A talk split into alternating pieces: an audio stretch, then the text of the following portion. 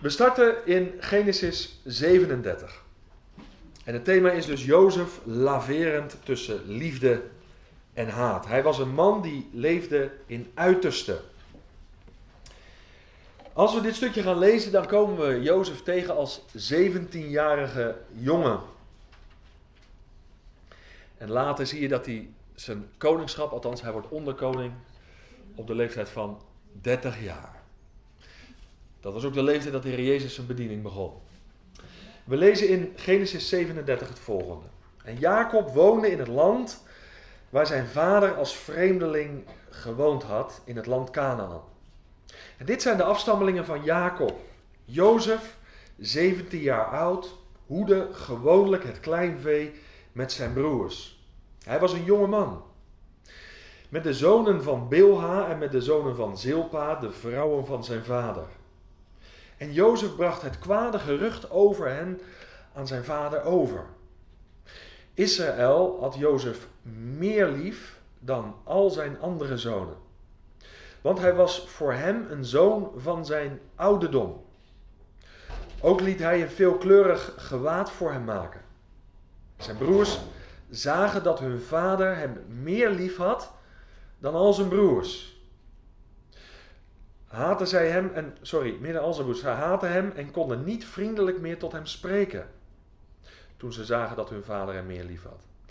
En ook had Jozef een droom, die hij aan zijn broers vertelde. En daarom haatten zij hem nog meer.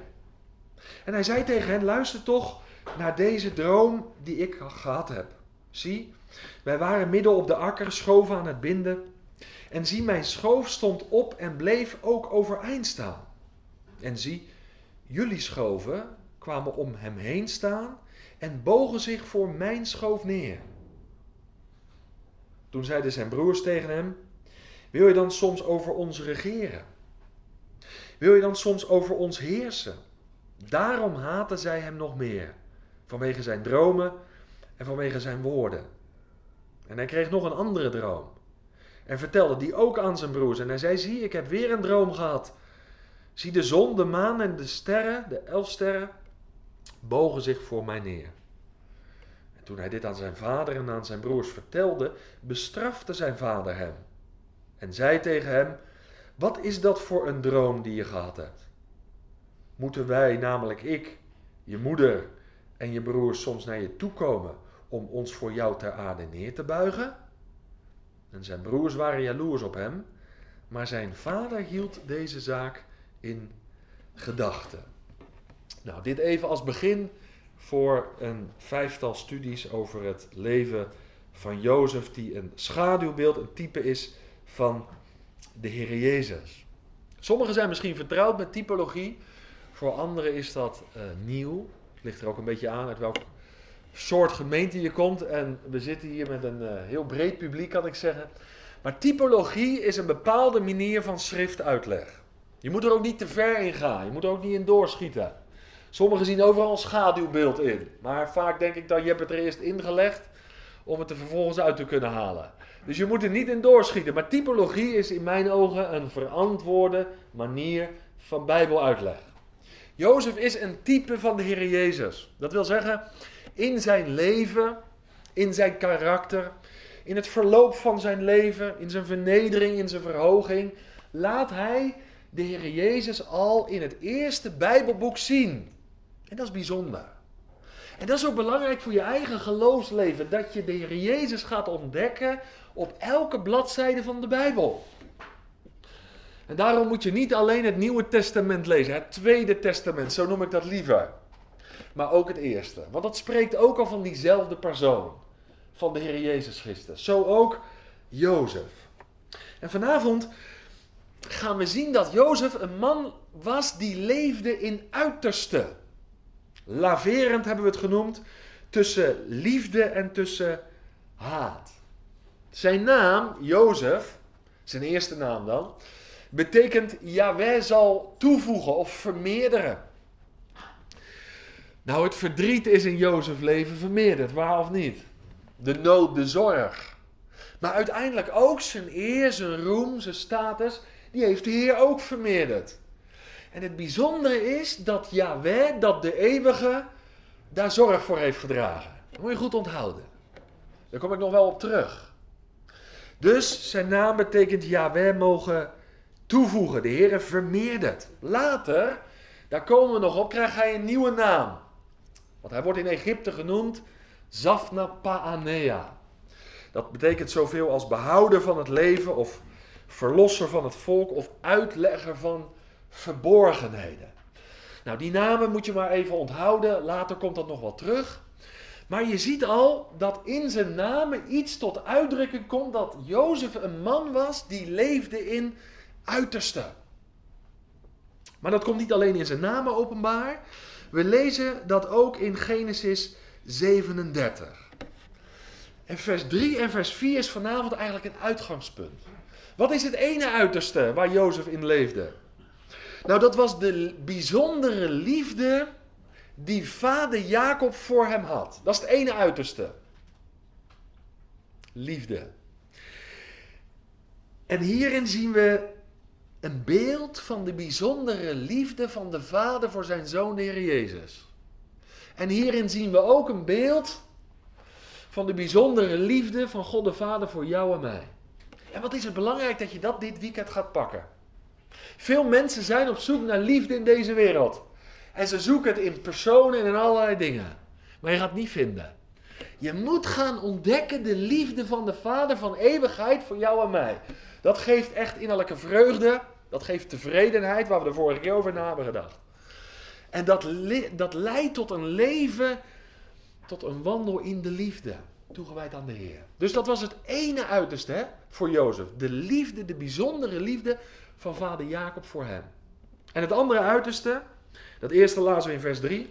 En het tweede lezen we in vers 4. Dat is de keerzijde. De uitzonderlijke haat van de broers jegens Jozef. Dat is de andere kant. En hierin zien we een beeld van de afwijzing van de Heer Jezus door een groot deel van het Joodse volk, toen en vandaag. Door een groot deel. Dus niet door het gehele volk, zou je dat nooit zeggen. De Heer is ook vandaag onder zijn volk actief. Maar we zien daar wel een beeld in. De haat van de broers richting Jozef is ook een beeld van de haat van het volk van Israël naar de Messias. Maar we moeten ook eerlijk zeggen dat ook wij vijanden waren van de Heer God, toch? En wij zo door de genade van de Heer Jezus met hen verzoend. Maar het is ook een beeld dat wij vandaag als ongelovigen ook te maken kunnen hebben met afwijzing. Met haat. Dat zal ik zo nog wel uitwerken. Dus twee uitersten. Vers 3, vers 4. Die bijzondere liefde van Jacob, de haat van zijn broers. En tussen die twee uitersten leefde Jozef. Dat maakt het leven voor hem erg ingewikkeld, of niet? Die twee uitersten leverden ook strijd op in zijn leven. En daarom heb ik het genoemd. Hij laveerde tussen liefde en tussen haat. En daar gaan we even wat op inzoomen vanavond. En ik kom uiteindelijk bij je eigen hart uit. Eerst dat eerste punt, de bijzondere liefde van Jacob voor Jozef. Wat ik in de voorbereiding gedaan heb, is gekeken wat was nou de reden dat Jacob Jozef in een bijzondere mate lief had. Heb je daar wel eens over nagedacht? En ik heb drie redenen gevonden. Allereerst ben ik, en ik zal het niet te technisch maken, want het is al wat later, is naar zijn, zijn, zijn uh, voorgeslag gaan kijken. Hoe zat dat daar nou in? Nou, dat is een hele puzzel. Maar ik houd het eenvoudig. Als je naar het voorgeslag van Jozef gaat kijken, dan zie je dat daar uh, bepaalde verhoudingen zijn die zorg dragen voor verdeeldheid. Laat ik het zo zeggen. Als je alleen al kijkt naar Isaac en Rebecca. Die kregen twee zonen. Onder andere Jacob en Esau. En wat zie je al? Jacob's hart ging uit naar Esau. Of Isaac's hart ging uit naar Esau. En Rebecca's hart ging uit naar Jacob. Dat is het eerste al.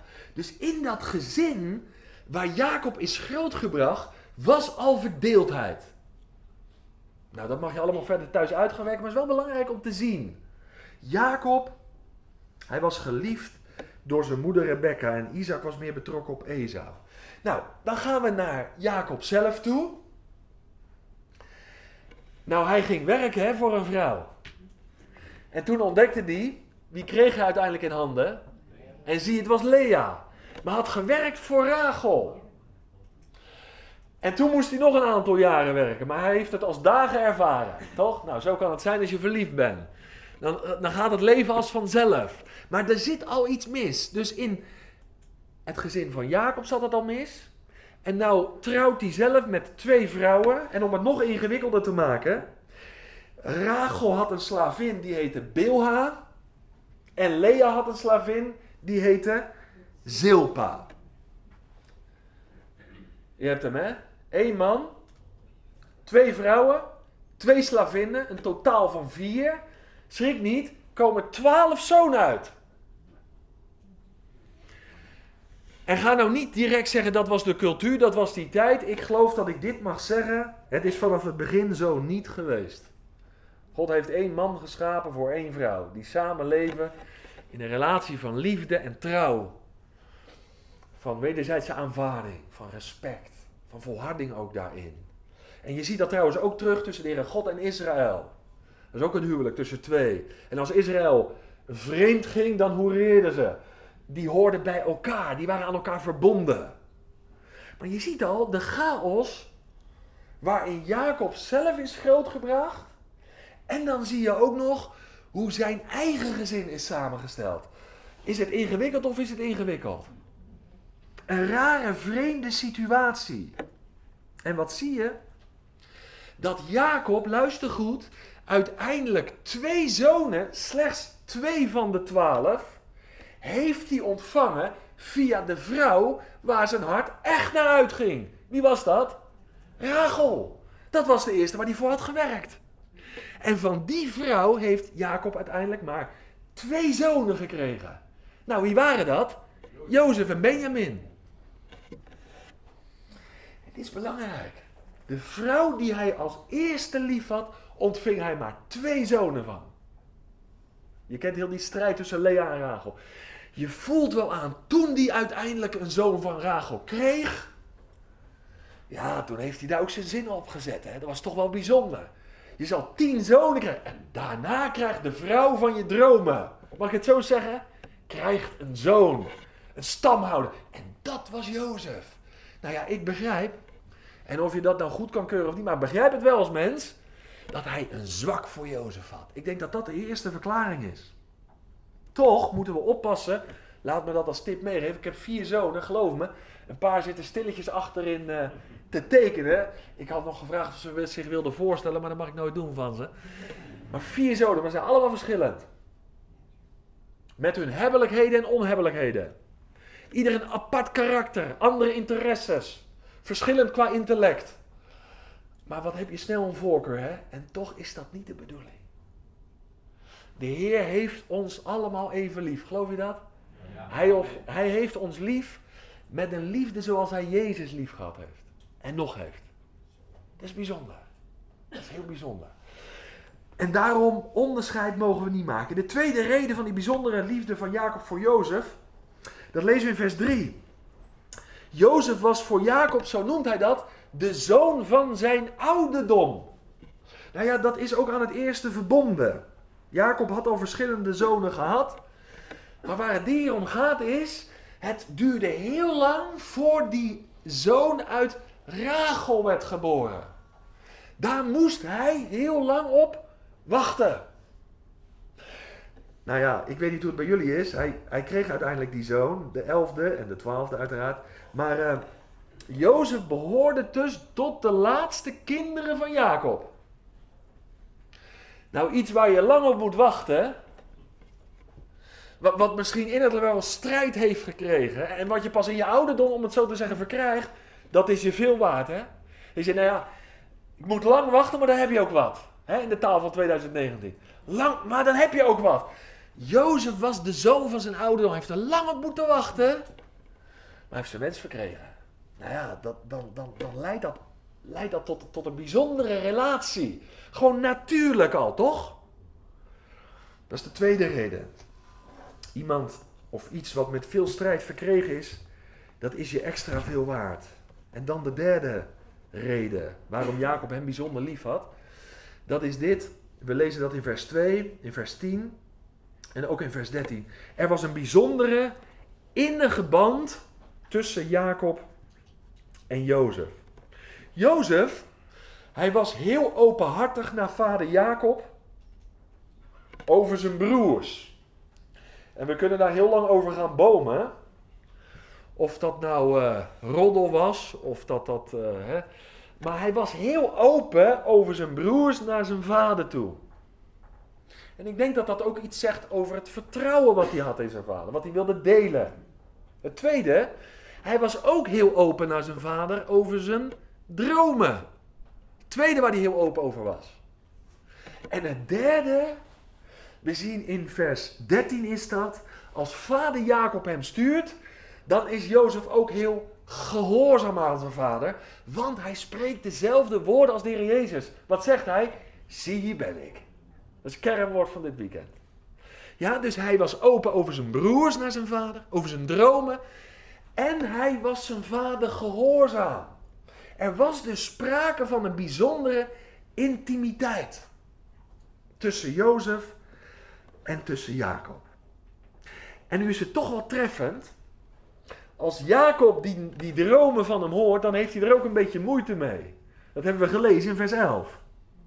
Want wat zegt hij? Wat staat daar? Zijn broers waren jaloers op hem, maar zijn vader hield de zaak in gedachten. Hij had hem daarvoor wel berispt hoor.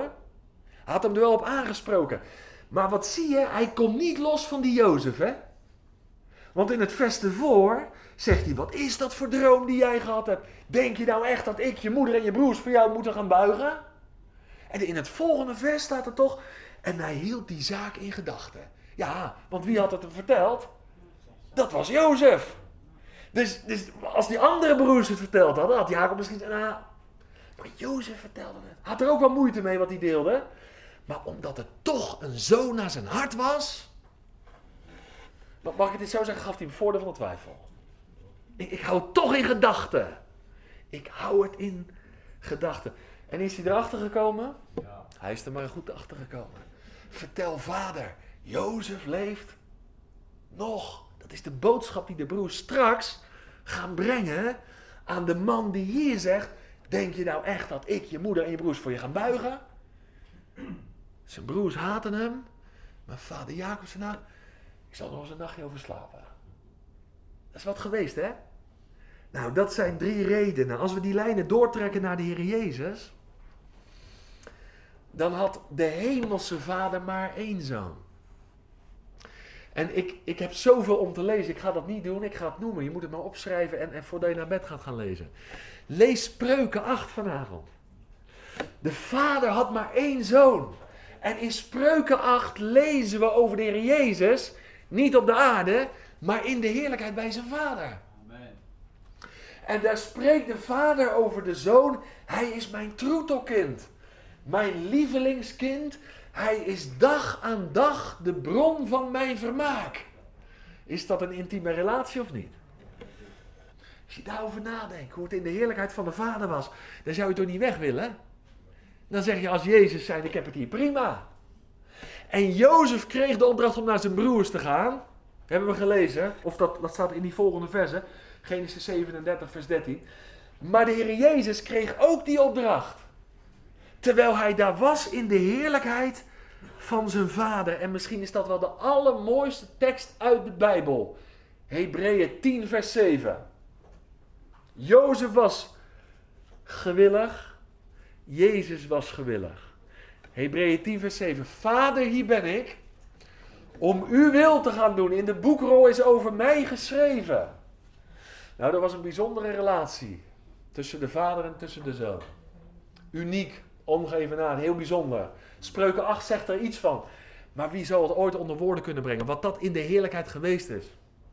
Hij was er echt thuis. Oost, west, thuis, best. En toen zei de vader, het is nu tijd om te gaan. Welke tijd was er aangebroken? Hoe noemen wij dat? De volheid van de tijd. De volheid van de tijd. En toen strubbelde Jezus niet tegen. Hè? Dat vind ik zo mooi, hè? Hij is ook de vervulling van brand, of vrijwillig. En hij zei, hier ben ik. Om uw wil te gaan doen. En Paulus, die kon er ook niet over uit. Hij zegt in 1 Timotheus 3, vers 16: De verborgenheid van de godzaligheid, die is groot. God is geopenbaard in het vlees. En waarom is dat gebeurd? Nou, God is geest. Een geest kan in die zin niet lijden. Een geest kan niet sterven. Dus een geest kan niet de weg van vernedering gaan. Mag ik het zo eens zeggen? En Jozef werd gestuurd en hij ging de weg van vernedering.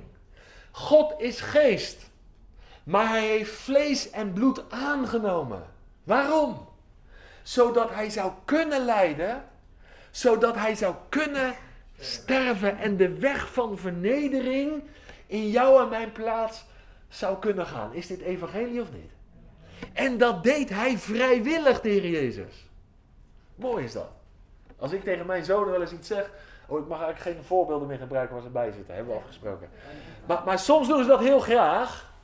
En soms doen ze het ook wel met een lang gezicht. En dan zeg ik, nou, je hebt er veel plezier in, hè? Fijn dat je dat kan doen. En soms willen ze niet zo graag. Nou ja, dan heb ik het maar over kleine klusjes. Maar met eerbied gesproken, dit was een klus van de Heer Jezus. Wat niemand kon doen. Daar was hij voor uitgekozen. Om te gaan naar een wereld verloren in zonde en schuld. En luister goed, niet alleen om te lijden.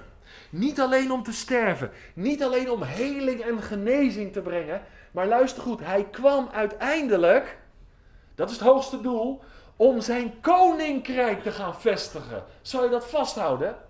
Heel veel denken aan de Jezus alleen als de leidende knecht van de Heer.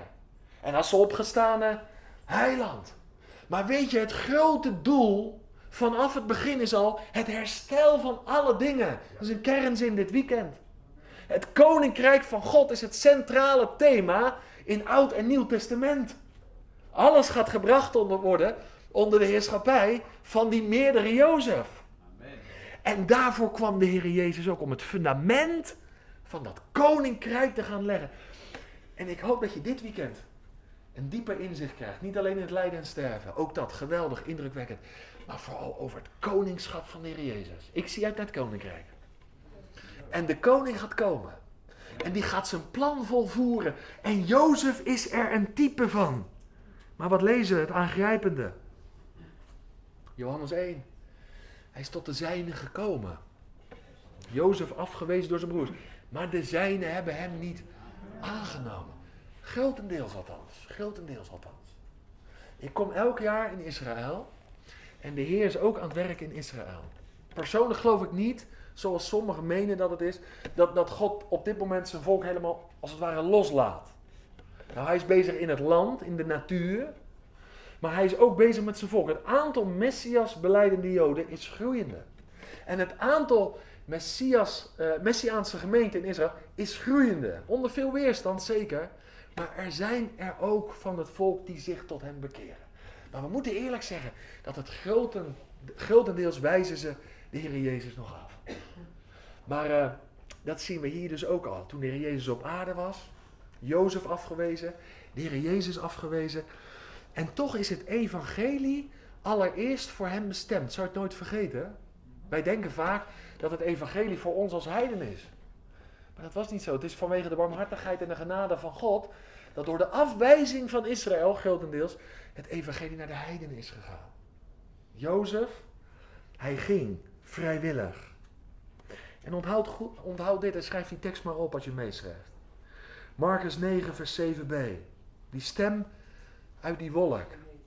Deze is mijn geliefde in wie ik welbehagen heb. Hoort naar hem. Zo mooi. Dus God bevestigde de roeping van de Heer Jezus hier op aarde. Mag ik het eens zo zeggen? Hij riep hem in de hemel. Hij zond hem naar de aarde. Maar hij bevestigde hem ook in zijn roeping hier op aarde. Deze is het. Hoort naar hem. Nou, dat is ook een bevrijdende boodschap, toch? Ik krijg veel mensen in het pastoraat die zijn teleurgesteld met mensen. Ook met kerken. Ook met stromingen, stichtingen. Ook met dominees en volgangers. Misschien ben jij er wel een van.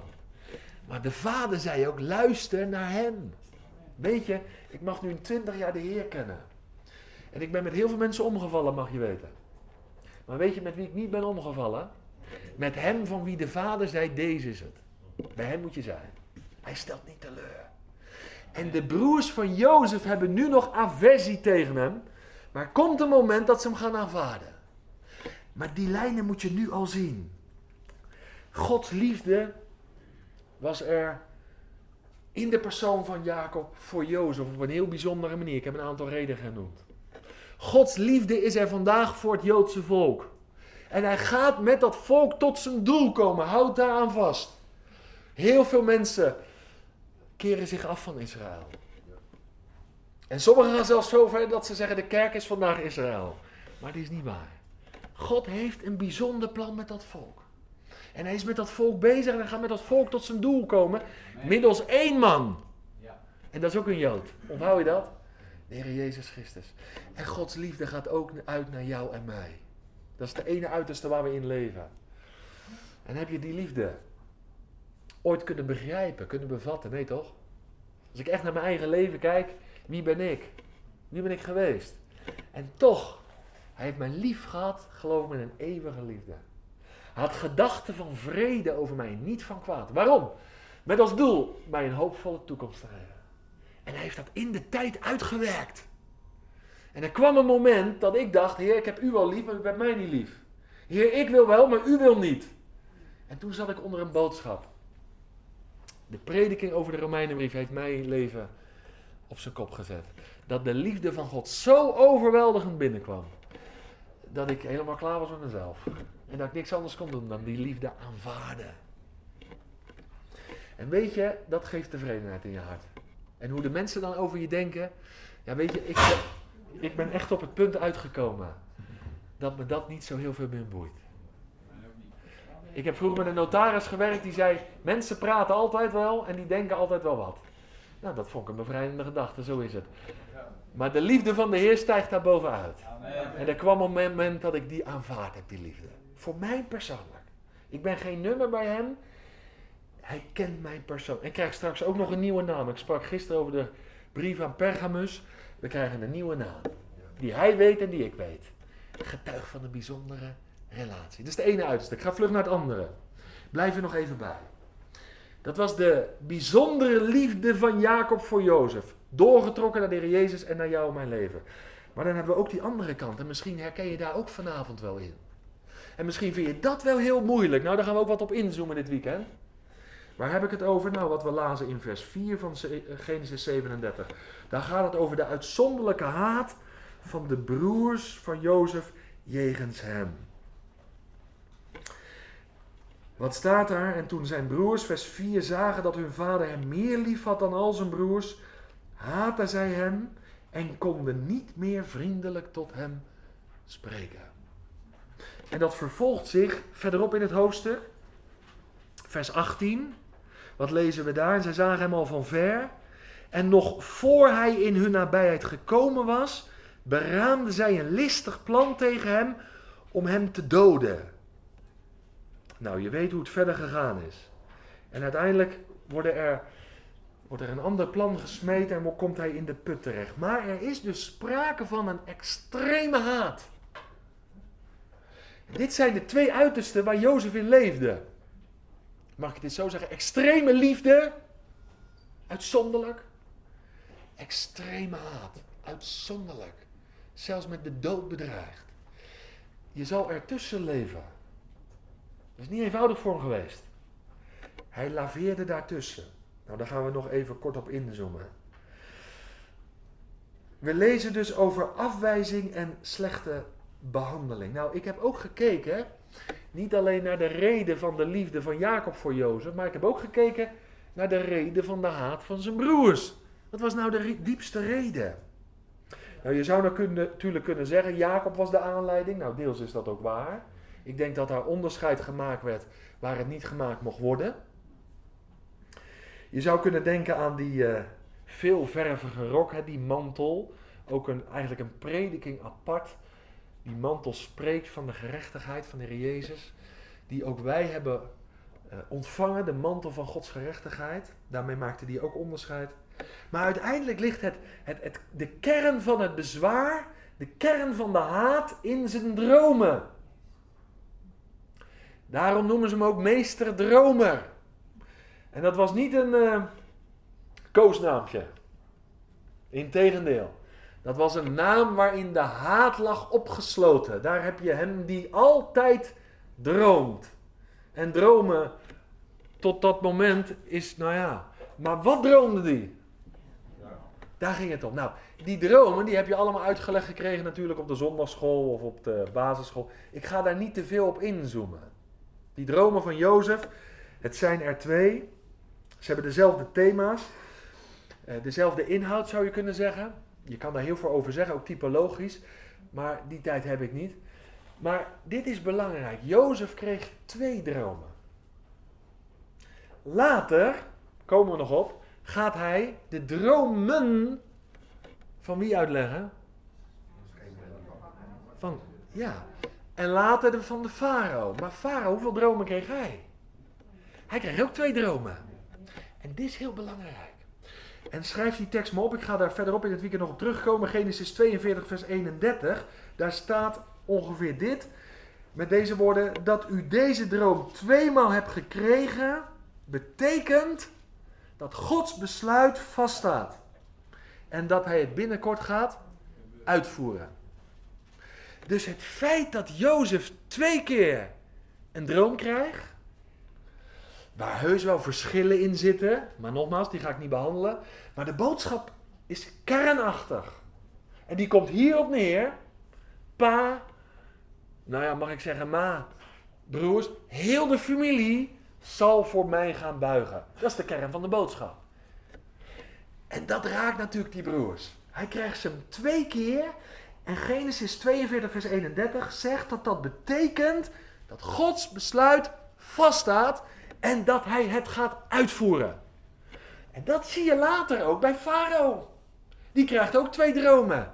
En ook dat betekent dat Gods besluit vaststond. En zijn de dromen van Farao uitgekomen? Ook die zijn uitgekomen. En dat is een belangrijk iets. In de naam van twee of drie getuigen, zo alle woord, bestaan. Dan zie je weer die twee terugkomen. Nou, dat is een belangrijke les. Ik hoop dat je die oppakt. Dus Jozef krijgt twee dromen en het wonderlijke vind ik dat hij zelf later het getal 2 gaat uitleggen aan Farao. Vind je dat niet bijzonder? Hij heeft blijkbaar bij die dromen van zichzelf het al verstaan. En dat wat je zelf geleerd hebt, dat mag je aan een ander door gaan geven. Daarom de boodschappen, de vijf preken vanavond, of van dit weekend, de studies. Jij bent niet het einddoel, hè? Je bent een doorgeefluik. Ik spreek in Hardingsveld, Giesendam over de Efezebrief behandel ik. En daar heb ik bij de eerste of de tweede studie gezegd. Nico weet het beter dan ik nog, denk ik. Uh, de zegeningen waar de Heer jou in laat delen. Jij bent geen einddoel. De zee, jij bent niet het eindstation van Gods zegeningen. Zou je dat goed onthouden? Want dan ga je terug naar huis en dan ga je in je vertel zitten. Dan pak je een, rood, uh, een, een, glas rode wijn erbij en zeg je: Het was toch heerlijk. Maar jij bent niet einddoel van Gods zegening. Jij bent doorgeefluik. Jozef had van Gods wegen dingen geleerd die hij later doorgaf aan een heidense vorst. En de Heer verhoogde. En als we dat meer gaan ontdekken in Nederland, dan worden dit soort weekenden, uh, weekenden waardoor er een golfbeweging op gang komt in Nederland. Opwekking. Ik durf het woord niet te gebruiken, maar uh, ik durf het wel aan. Dat is belangrijk. Wij zijn doorgeefluiken. Wij zijn geen einddoel. En dat zie je heel duidelijk bij Mozes. Schrijf ook deze tekst op, die wil ik toch nog even noemen. Nummer 12, vers 6. Daar staat: Aan uw profeten maak ik mijn visioenen bekend. En ik spreek tot hen in dromen. En nou zijn er natuurlijk een aantal kritische luisteraars, een paar Bereërs hier, die zeggen: Ja, zie je, Jacques, dat was die bedeling. Nou, ik geloof ook dat de Heer in die tijd heel bijzonder sprak door dromen en visioenen. En hier in nummer 12 staat het ook duidelijk dat God aan zijn profeten zijn wil bekend maakte door dromen en visioenen. En ik geloof dat dromen en visioenen in die bedeling ook sterk aanwezig waren, vaak voorkwamen. Maar toch geloof ik dat God ook vandaag door dromen en visioenen spreekt. En Joel spreekt daar ook over. Maar ik geloof wel dit. Er komen heel veel mensen bij mij in het pastoraat. Ik heb dit gezegd gekregen. Gisteravond kwam er een zuster naar me toe. Ik heb een beeld over jou gekregen. Nou, deel het met me. Dat vind ik mooi. Maar het moet altijd wel binnen de kaders van het woord van God zijn.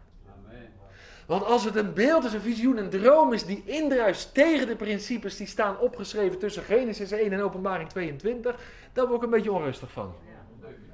En, en, en daar moet je dus wel op letten. Maar je ziet, juist ook in de moslimwereld bijvoorbeeld, God spreekt krachtig daardoor dromen en visioenen.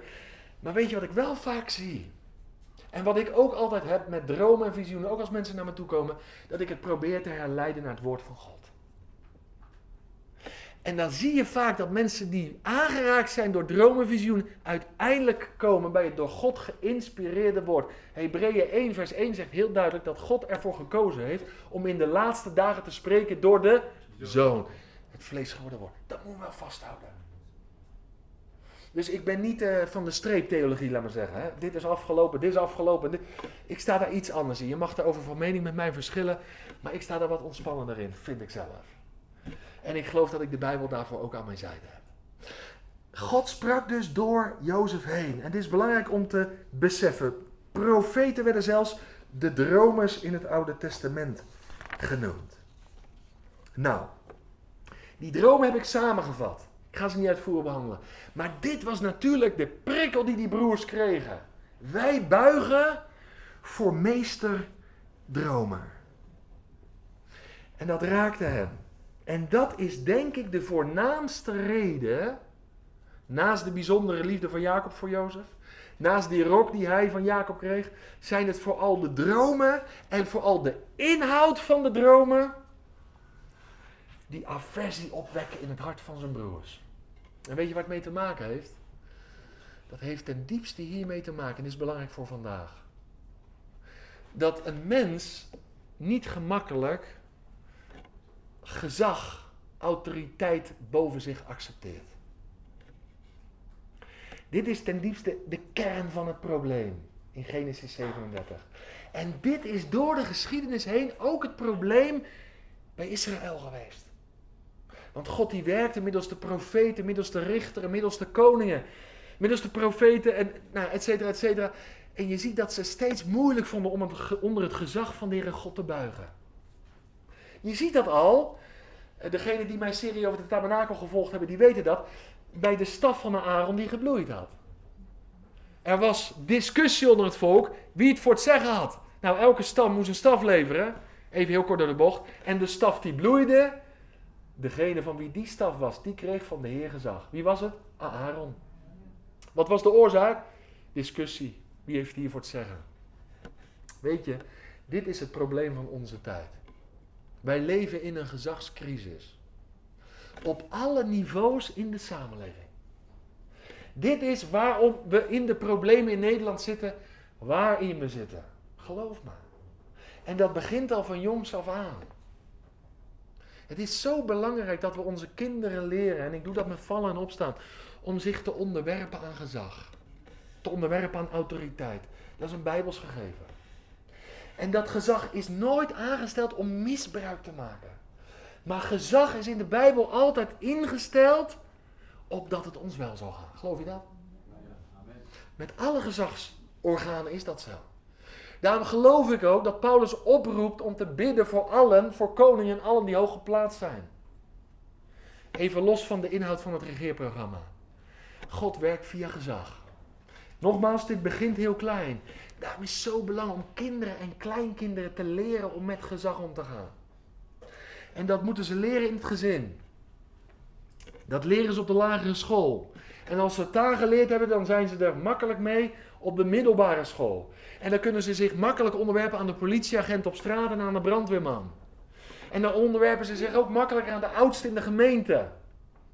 En weet je wat voor hen heel makkelijk dan is als ze hebben geleerd om met gezag om te gaan? Om zich vrijwillig te onderwerpen aan het gezag van de Allerhoogste God. Maar je ziet dat waar er uh, ondermijning van gezag is, rebels gedrag, in de lijn van het leven. Ik kom mensen in het pastoraat tegen, die hebben een rebelse lijn in hun leven. En je ziet dat ze weigeren om zich vrijwillig te buigen onder het gezag van de Allerhoogste God. Maar ik heb net een tekst genoemd. Deze is mijn geliefde zoon, in wie ik welbagen, hoort naar hem. Wat een zegen hè. Als je vrijwillig hebt gebogen onder het gezag van de Heer Jezus Christus. Als je je vrijwillig onderwerpt aan hem, want geloof me, het kan je nergens beter gaan dan aan de voet van het kruis. Dan onder de schaduw van zijn vleugelen. Ik ben gekomen, gaan we erover nadenken, om leven te geven en overvloed. De broers van Jozef haten Jozef vanwege zijn dromen. Dat heeft te maken met gezag, met buigen. Ik werkte in de makelaardij. Ik heb twaalf jaar ben ik makelaar-taxateur geweest. En uh, voor elke afspraak deed ik altijd een gebed. Heer, laat me spreken waar ik spreken moet en zwijgen waar ik zwijgen moet. Soms is het ook wel eens goed, hè, te zwijgen. Maar ik had zo verlangen om over de Heer te spreken. En uh, ik vergeet nooit meer, ik stond ooit eens voor het huis, die hadden de keuken aan de voorzijde. En direct, ze hadden geen voortuin, alleen een stoep en een parkeerplaats. Dus ik zette mijn auto daarvoor neer en ik bidde in mijn auto. Maar die, die beste klant, die, die stond de afwas te doen in de keuken waar ik moest zijn. Dus die keek naar buiten, die zag me aankomen met mijn auto. En die keek eens eventjes. Dus ze zag me natuurlijk bezig daar. Dus ik deed mijn ogen open. Ik keek haar recht in het gezicht. Ik denk, nou ja, dan weet ze ook gelijk hoe, uh, hoe het ervoor staat met me. En zo ging ik altijd naar binnen. En als ik dan binnen was, dan zocht ik altijd een aanleiding om over het evangelie te spreken. Of een bordje aan de muur, of nou ja. En op een gegeven moment toen... Uh, ja, nou ja, ik hoef het niet uit te leggen. Ik ben nogal lang, 2 meter 4. En ik werkte in de Alblasserwaard, had je van die dijkhuizen, een beetje klein, laag. Dus ik stootte nog wel eens mijn hoofd, hè. En uh, over gezag, hè, buigen. Ik ben nog steeds bij het gedeelte, hoor. dan kwam ik binnen, hè. En dan stoot ik bijna over. En, dan, en een hand van een klant op, op mijn schouder. Pas op, pas op. U moet zeker wel vaak bukken. En toen dacht ik, nou, dit is hem, hè. Ik, nou, ik zeg, ik zal het uitleggen. Ik zeg, ik heb in de eerste plaats een heel klein vrouwtje. Dus dat moet ik al vaak bukken. Ik zeg, maar ik heb één keer in mijn leven geleerd om te buigen. Nou ja, voor mij nu, twintig jaar geleden. Ik zeg, en als je één keer zo diep gebogen hebt, dan vallen al die kleine buigentjes wel mee. Joh. En dan hoop ik, hoopte ik dat ze zeiden, waar heb je het over joh? Maar, eh, ik begrijp je niet helemaal. Nou, dan had je weer een bruggetje om over het evangelie van de Heer Jezus te beginnen. Dus buigen onder gezag is iets heel gezonds. Opdat het ons wel gaat. En hier zit de kern van het probleem van de broers van Jozef. Ze weigeren om het gezag te buigen.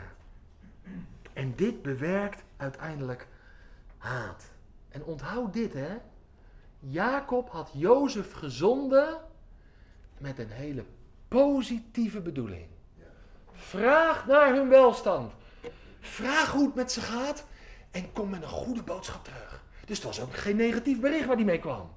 En toch ontving hij haat. Aan wie denken we dan? De Heer Jezus, als er één kwam, hij kwam uit de hoge, uit een vergelegen land, mag ik het eens zo noemen. En hij daalde diep af, dieper kon hij niet gaan. Met een boodschap van hoop, verwachting. Om mensen vreugde, vrijheid, vrede, blijdschap, toekomst, verwachting te geven. En een nieuwe identiteit in de Heer Jezus Christus. Om ze onaantastbaar te maken in de Heer Jezus. De allerbeste boodschap. Wat niemand tot op dat moment had kunnen doen, vertelde de Heer Jezus niet alleen, hij deed het ook. Want hij zei, vader hier ben ik. Om uw wil te doen. En het eerste wat hij ontdekte, wat hij ontmoette, hij was zich nog niet bewust, maar was dat ze in Bethlehem al uit waren op zijn dood. Hij moest vluchten voor zijn leven. En waar vluchtte hij heen? Egypte. Uit Egypte kwam de redding, waar of niet? Uit Egypte komt ook nu weer de redding. Zou het onthouden? Jozef is een type van de Heer Jezus. Hij had te maken met haat, maar de Heer Jezus heeft ook te maken gehad met haat. En weet je wat het meest bijzonder is? Dat ondanks alle haat en veel afwijzing, moet er uiteindelijk een aantal heidenen opstaan, moet er een aantal heidenen opstaan, die gaan getuigen, ik vind geen schuld in hem. Dan ben je afgewezen vanaf je geboorte, dan sta je voor je sterven, dan beleidt niet een Jood dat je onschuldig bent, maar dan zijn er heidenen die zeggen, ja, als ik heel eerlijk ben, ik vind geen schuld in hem. Het bewijs dat de Heer Jezus naar de aarde kwam met de allerbeste, meest, vol, meest hoopvolle boodschap. Dat had hij aan het licht gebracht. Maar er was een haat. En weet je waar het mee te maken had? Met gezag. Jullie willen niet dat ik koning over je ben. En de Heer Jezus weende. Als wij in Jeruzalem gaan, zijn, dan gaan we heel vaak naar de kerk van de tranen. Die kerk, daarin heb je uitzicht over Jeruzalem. Daar weende Jezus. Want hij wilde ze bij elkaar verzamelen. Zoals een hen haar kuikent. Maar ze wilden niet. En nou eindigen we met ons eigen leven. Blader even naar Johannes hoofdstuk 15. Dat is het laatste. Johannes hoofdstuk 15. Je blijft inderdaad wakker. Johannes hoofdstuk 15. De Heer Jezus, hij is overgeleverd.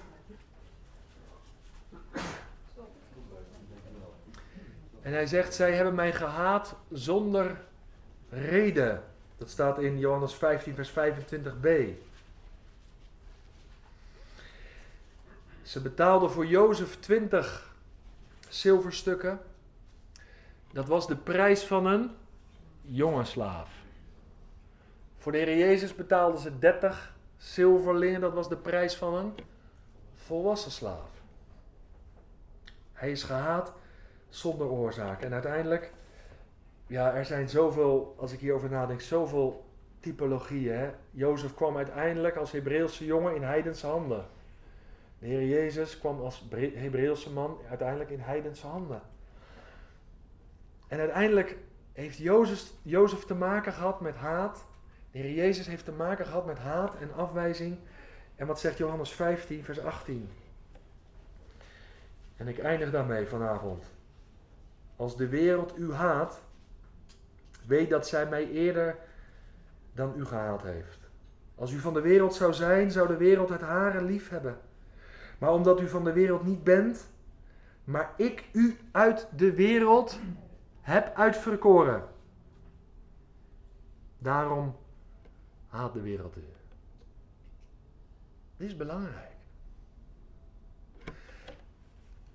De haat van de wereld naar de gelovigen ook vandaag gaat uiteindelijk terug op uitverkiezing. Dat is wat hier staat. De Heer Jezus zegt op een andere plaats: Jullie hebben mij niet uitverkoren, maar ik heb jullie uitverkoren. En dat is misschien wel de troost, de meest grote troost die wij in ons hart mogen koesteren, mogen beleven. God kiest. Ik kom uit een traditie waar ze dikke boek hebben geschreven over wie is nou het eerste. Is God nou de eerste of ben ik nou de eerste? Als ik nou niet meer uitverkoren, wat dan? Nou, er zijn boeken over geschreven, studiedagen over beleggen zijn er nog niet uit. Maar het is heel simpel, God verkiest. En hij verkiest in de geliefde. In verbinding met Jezus heeft hij oog voor jou en voor mij. En dat is de reden waarom de wereld ons haat. Of waarom je haat kan ervaren in jouw directe omgeving. Kijk, ik heb het op een andere plaats eerder gezegd. Je hebt in deze wereld ook vreemde mensen. En dan zeg ik altijd rare mensen. Die gewoon raar, zijn vreemd. Die heb je toch? Of niet? In Amsterdam in ieder geval wel. Gewoon vreemde mensen, doen raar. Praten raar, kleden zich raar. Maar, maar, vreemdelingschap in de Bijbel heeft te maken met uitverkiezing en met de inwoning van de geest van God. En uitverkiezing is ook geen einddoel. Uitverkiezing is een middel waardoor God je in deze wereld gaat zegenen. Uitverkiezing heeft te maken met geheiligd zijn. Apart gezet zijn. Nou, in die zin ben je wel apart, ja. In die zin is het ook waar dat je een vreemdeling bent.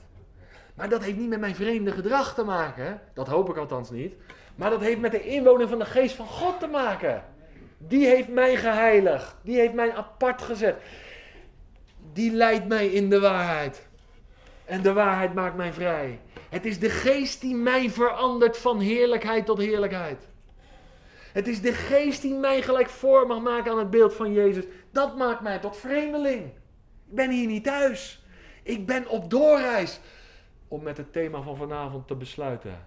Ik leef tussen uitersten. Ik laveer vandaag tussen liefde en tussen haat. Tussen de liefde van mijn vader, die ik niet kan begrijpen, die ik niet verstandelijk kan verklaren, maar die ik wel met mijn hart geloof. Amen.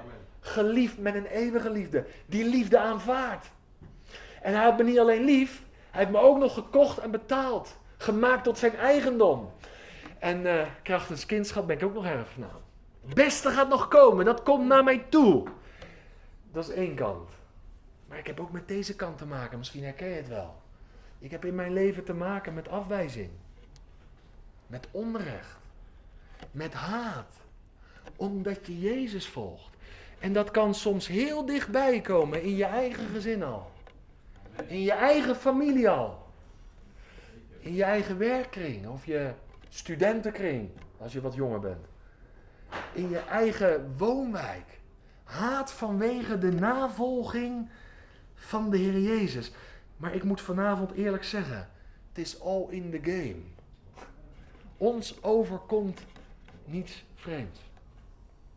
Het is Jozef overkomen, maar hij is door de weg van vernedering verhoogd, waar of niet? Het is Jezus overkomen, maar hij is door de weg van vernedering verhoogd. Hij heeft een naam gekregen boven alle naam. Heb nou niet het idee dat het jou en mij anders vergaat. Heb niet de illusie dat jij er makkelijker van afkomt of zo. Je moet bereid zijn om je kruis op te nemen, jezelf te verloochenen en het smalle pad achter Jezus te betreden. Wij leven, broeders en zusters, in uiterste. En dit was het spanningsveld waar Jozef leven zich in afspeelde. Dit was het spanningsveld waar Jezus leven zich in afspeelde. En dit is vandaag ons levensterrein. En ik denk dat het voor ieder van ons herkenbaar is. Bij de ene in meer, in sterkere mate dan bij de andere. Maar ik wil je bemoedigen vanavond. Is het een bemoedigende boodschap? Jazeker. Want de haat en de afwijzing die ik vandaag ervaar, heeft een oorzaak. Mijn uitverkiezing. In de Heer Jezus Christus. Dus dat is toch een positieve reden? Dat geeft vreugde. Dat geeft vreugde. Dat geeft blijdschap. Het is niet altijd makkelijk. Gisteravond kwam er een vrouw naar me toe. Die zegt, het is allemaal waar wat je zegt. Maar ik vind het niet makkelijk. Ik zeg, nou dat heb ik ook niet gezegd. Maar ik zeg, pas ervoor op dat je van het feit dat het niet makkelijk is, maakt het is onmogelijk. Ja, ze zegt, dat durf ik ook weer niet te zeggen. Ik zeg, dat bedoel ik. En ze was met me eens. Het is mogelijk om vandaag tussen liefde en haat laverend te leven door de kracht van de geest van God. Want weet je wat ik heb geleerd? Dat de instemming van de Vader wat betreft mijn leven belangrijker is dan de instemming die, wel, die ik wel of niet krijg van mensen. Amen. En de grote vraag is dus waar, waar leef je voor? Voor wie leef je? Als je voor deze wereld leeft en voor de instemming van deze wereld, heb je een zwaar leven. Als je leeft voor de instemming van je familie of voor je gezin, dat ze maar goed over je denken. Ja, ik moet je eerlijk zeggen, daar ben ik aan gestorven. Ik ben eraan gestorven. Ik leef voor de instemming. Dat heeft een oude broeder ooit mij geleerd. Jacques, onthoud dit voor de rest van je leven, of ik je nou nog een keer ontmoet of niet. Leef slechts voor eenmanspubliek. Leef voor de instemming van je hemelse vader. En als je zijn goedkeuring over je leven hebt, dan leef je wel tussen liefde en haat soms. Maar uh, het is maar een kort poosje. Het is een verdrukking van tien dagen. Een afgebakende tijd. Voordat de heerlijkheid aanbreekt. En ik wil je twee teksten ter bemoediging meegeven. Je mag ze opschrijven en vanavond voordat je naar bed gaat opzoeken. Jezus zegt in Johannes 16, vers 33. Deze dingen, Johannes 16, vers 33, heb ik tot u gesproken. Opdat u in mij, in mij, vrede hebt. In de wereld zal je verdrukking hebben, maar heb goede moed, want ik heb de wereld overwonnen. En de tweede tekst, na Johannes 16, vers 33, is Matthäus 28, vers 20. Zie, ik ben met u, al de dagen, tot aan de voleinding van deze wereld. Ik weet niet of jullie wel eens gehoord hebben van de oude dominee Poort. Die heeft van die hele kleine boekjes geschreven toen hij ziek werd. En die hadden de titel Morgen kan ik u meer vertellen. En hij zei, en dat ben ik nooit meer vergeten.